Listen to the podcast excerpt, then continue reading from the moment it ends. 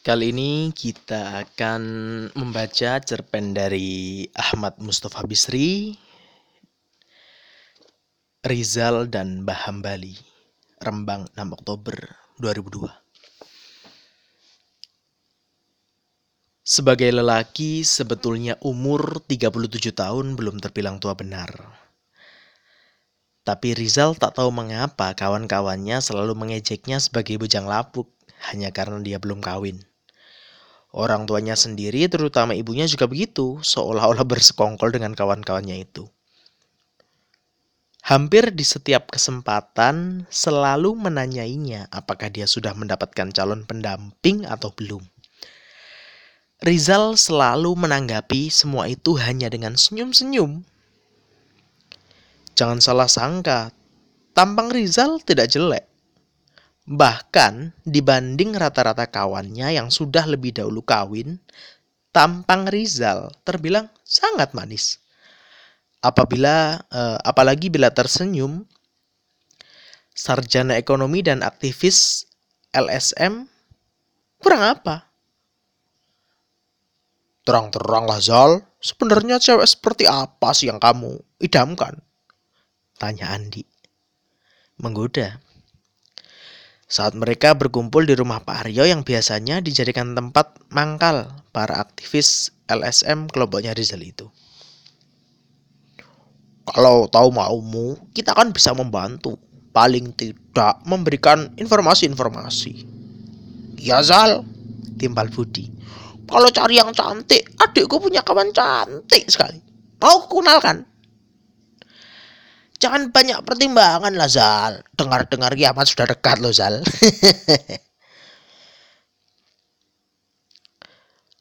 Mungkin dia cari cewek yang hafal Quran ya Zal.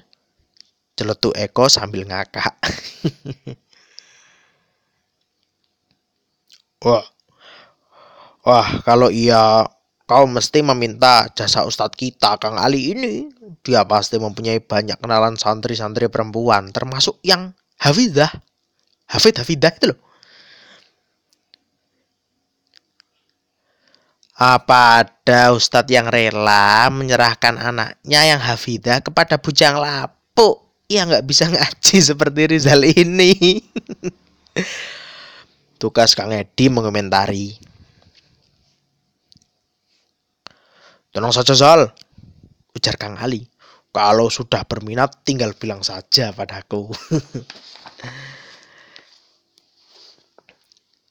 Jangan-jangan kamu impoten ya, Zal? Tiba-tiba Yopi yang baru beberapa bulan kawin ikut meledek. Meledek. Rizal meninju lengan Yopi. Duk! Tapi tidak mengatakan apa-apa, hanya tersenyum kejut. Tidak sumbut dengan penampilanmu. Celetuk Pak Aryo ikut nimbrung sehabis menyeruput kopinya. Tampang boleh. Sudah punya penghasilan lumayan. Sarjana lagi. Sama cewek kok takut. Aku carikan bagaimana? Jawab dong Zal, kata Bu Aryo yang muncul menghidangkan pisang goreng dan kacang rebus. Mencoba menyemangati Rizal yang tak berkutik di kerubut kawan-kawannya. Biar saja bu, jawab Rizal pendek tanpa nada kesal. Kalau capek kan berhenti sendiri. Memang, Rizal orangnya baik. Setiap kali diledek dan digoda kawan-kawannya soal kawin begitu, dia tidak pernah marah. Bahkan, diam-diam dia bersyukur kawan-kawannya memperhatikan dirinya. Dan bukannya tidak ber, pernah berpikir untuk mengakhiri masa lajangnya. Takut pun tidak. Dia pernah mendengar sabda Nabi yang menganjurkan agar apabila mempunyai sesuatu hajat yang masih baru, rencana, jangan disiar-siarkan. Sudah sering sampai bosan, Rizal menyatakan keyakinannya bahwa jodoh akan datang sendiri, tidak perlu dicari. Dicari ke mana-mana pun jika bukan jodoh pasti tidak akan terwujud. Jodoh seperti halnya rezeki. Mengapa orang bersusah payah memburu rezeki? kalau rezeki itu sudah ditentukan pembagiannya dari atas. Harta yang sudah di tangan seseorang pun kalau bukan rezekinya akan lepas. Dia pernah membaca dalam buku hikamnya Syekh Ibnu Athaillah As-Sukandari sebuah ungkapan yang menarik.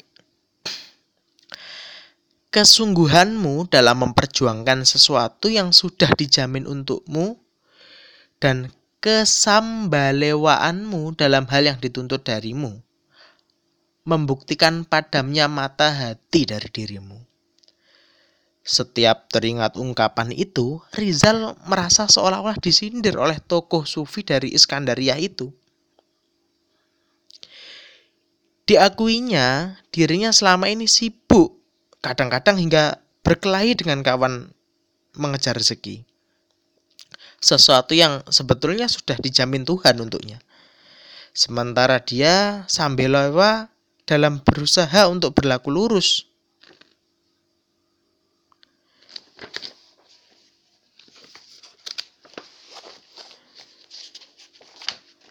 Sementara dia Sambalewo dalam berusaha untuk berlaku lurus menjadi manusia yang baik, sesuatu yang dituntut Tuhan. Suatu ketika mereka akan tahu juga, katanya dalam hati. Syahdan pada suatu hari ketika kelompok Rizal berkumpul di rumah Pak Aryo seperti biasanya. Kang Ali bercerita panjang lebar tentang seorang pintar, dalam tanda kutip, yang baru saja ia kunjungi. Kang Ali memang mempunyai kesukaan mengunjungi orang-orang yang didengarnya sebagai orang pintar. Apakah itu kiai, tabib, paranormal, dukun, atau yang lainnya. Aku ingin tahu, katanya menjelaskan tentang kesukaannya itu.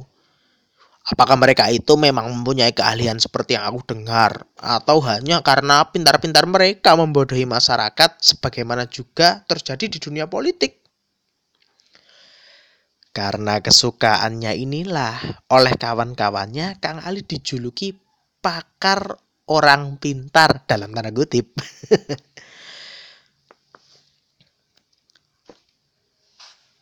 Meskipun belum tua benar, Orang-orang memanggilnya Mbah. Mbah Hambali. Orangnya nyentrik. Kadang-kadang menemui tamu OT-OT tanpa memakai baju. Udo.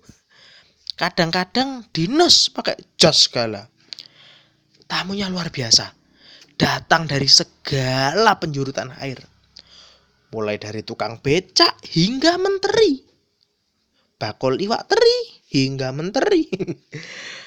Bahkan menurut penuturan orang-orang dekatnya, presiden pernah mengundangnya ke istana.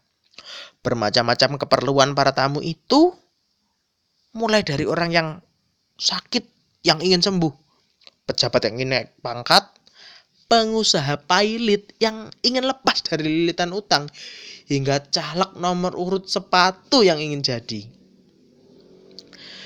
Dan kata orang-orang yang pernah datang ke Mbah Hambali, doa beliau memang mujarab. Sebagian di antara mereka malah percaya bahwa beliau waskito. Tahu sebelum winaroh. Hebat betul. Pendek kata, menurut Kang Ali, Mbah Hambali ini memang lain dibanding orang-orang pintar dalam tanda kutip yang pernah ia kunjungi. Mbah yang satu ini termasuk yang paling meyakinkan kemampuannya. Nah, kalau kalian berminat, kata Kang Ali akhirnya, aku siap mengantar. Wah, udah bagus ini. Saut Pak Aryo sambil merangkul Rizal. Kita bisa minta tolong atau minimal minta petunjuk tentang jejak kakak kita ini. Siapa tahu jodohnya memang melalui Mbah Hambali itu. Setuju. Sambut kawan-kawan yang lain penuh semangat. Seperti teriakan para wakil rakyat di gedung parlemen. hanya Rizal sendiri yang seperti biasa hanya diam saja sambil senyum-senyum kecut. Sama sekali tak ada tanda-tanda dia keberatan. Apakah sikapnya itu karena dia menghargai perhatian kawan-kawannya dan tak mau mengecewakan mereka? Atau sebenarnya dia pun setuju tapi malu? Atau sebab lain? Tentu saja hanya Rizal yang tahu. Tapi ketika mereka memintanya untuk menetapkan waktu, dia tampak tidak ragu-ragu menyebutkan hari dan tanggal. Meski seandainya yang lain yang menyebutkannya, semuanya juga akan menyetujuinya karena hari dan tanggal itu merupakan waktu prei mereka semua. Begitulah pagi-pagi pada hari dan tanggal yang ditentukan dipimpin Kang Ali mereka beramai-ramai mengunjungi Mbah Hambali. Ternyata benar seperti cerita Kang Ali. Tamu Mbah Hambali memang luar biasa banyaknya. Pekarangan rumahnya yang luas dipenuhi dengan kendaraan dari berbagai plat nomor mobil Orang tahu bahwa mereka yang berkunjung datang dari berbagai daerah. Rumahnya yang besar dan kuno, hampir seluruh ruangannya merupakan ruang tamu. Berbagai ragam kursi dari kayu antik hingga sofa model kota diatur membentuk huruf U. Menghadap dipan beralaskan kasur tipis di mana Mbah Hambali duduk menerima tamu-tamunya. Di depan itu pula konon simbah tidur. Persis di depannya ada tiga kursi. Diduduki mereka yang mendapat giliran matur. Ternyata juga benar seperti cerita Kang Ali. Mbah Ali memang nyentrik. Agak deg-degan juga rombongan Rizal CS melihat bagaimana orang pintar itu memperlakukan tamu-tamunya ada tamu yang baru maju ke depan langsung dibentak dan diusir. Ada tamu yang disuruh mendekat, seperti hendak dibisi. Tapi tiba-tiba, aw, si tamu digigit telinganya. Ada tamu yang diberi uang tanpa hitungan, tapi ada juga yang dimintai uang dalam jumlah tertentu. Giliran rombongan Rizal CS diisyarati disuruh menghadap. Kang Ali, Pak Aryo, dan Rizal sendiri yang maju. Belum lagi salah satu dari mereka angkat bicara. Tiba-tiba Mbah Hambali bangkit turun dari depannya. Menghampiri Rizal. Pengumuman, pengumuman, teriaknya sambil menepuk-nepuk pundak Rizal yang gemetaran. Kenalkan, ini calon mantu saya. Sarjana ekonomi, tapi nyufi. Kemudian katanya sambil mengacak-acak rambut Rizal yang disisir rapi. Sesuai yang tersurat, kata sudah diucapkan, disaksikan malaikat jin dan manusia. Apakah kau akan menerima atau menolak takdirmu ini? Ya mbah, jawab Rizal mantap. Loh, ya bagaimana? Jadi maksudmu kau menerima anakku sebagai istrimu? Ya, menerima mbah, sahut Rizal tegas. Ucapkan sekali lagi yang lebih tegas. Saya menerima mbah. Alhamdulillah. Sudah, kamu dan rombonganmu boleh pulang. Beritahukan ke keluargamu besok lusa. Suruh datang kemari untuk membicarakan kapan akad nikah dan walimahnya. Di mobil ketika pulang Rizal pun dikeroyok kawan-kawannya. Loh, kamu ini bagaimana Zal? Kata Pak Aryo penasaran. Tadi kamu kok ya-ya saja, seperti tidak kau pikir. Kau putus asa ya? Timbal Budi atau jengkel, diledek terus sebagai bujang lapuk. Lalu kau mengambil keputusan asal-asalan begitu. Ya kalau anak Mbah Hambali cantik, komentar Yopi. Kalau bincang atau bopeng misalnya, bagaimana? Pernyataanmu tadi disaksikan orang banyak loh, kata Kak Eko. Kata Kang Eko mengingatkan. Lagi pula kalau kau ingkar janji, kau bisa kualat sama Mbah Bali nanti. Jangan-jangan kau diguna-gunain Mbah Bali, Zal. Kata Andi khawatir. Seperti biasa, Rizal hanya diam sambil senyum-senyum. Kali ini tidak seperti biasa, Kang Ali juga diam saja sambil senyum-senyum penuh arti. Demikianlah uh, cerita pendek Rizal dan Baham Bali oleh Ahmad Mustafa Bisri. Oh maaf, ini ternyata Rembang 2004.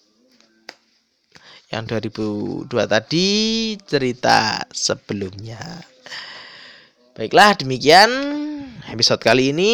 Sampai ketemu lagi. Yo yo yo yo yo.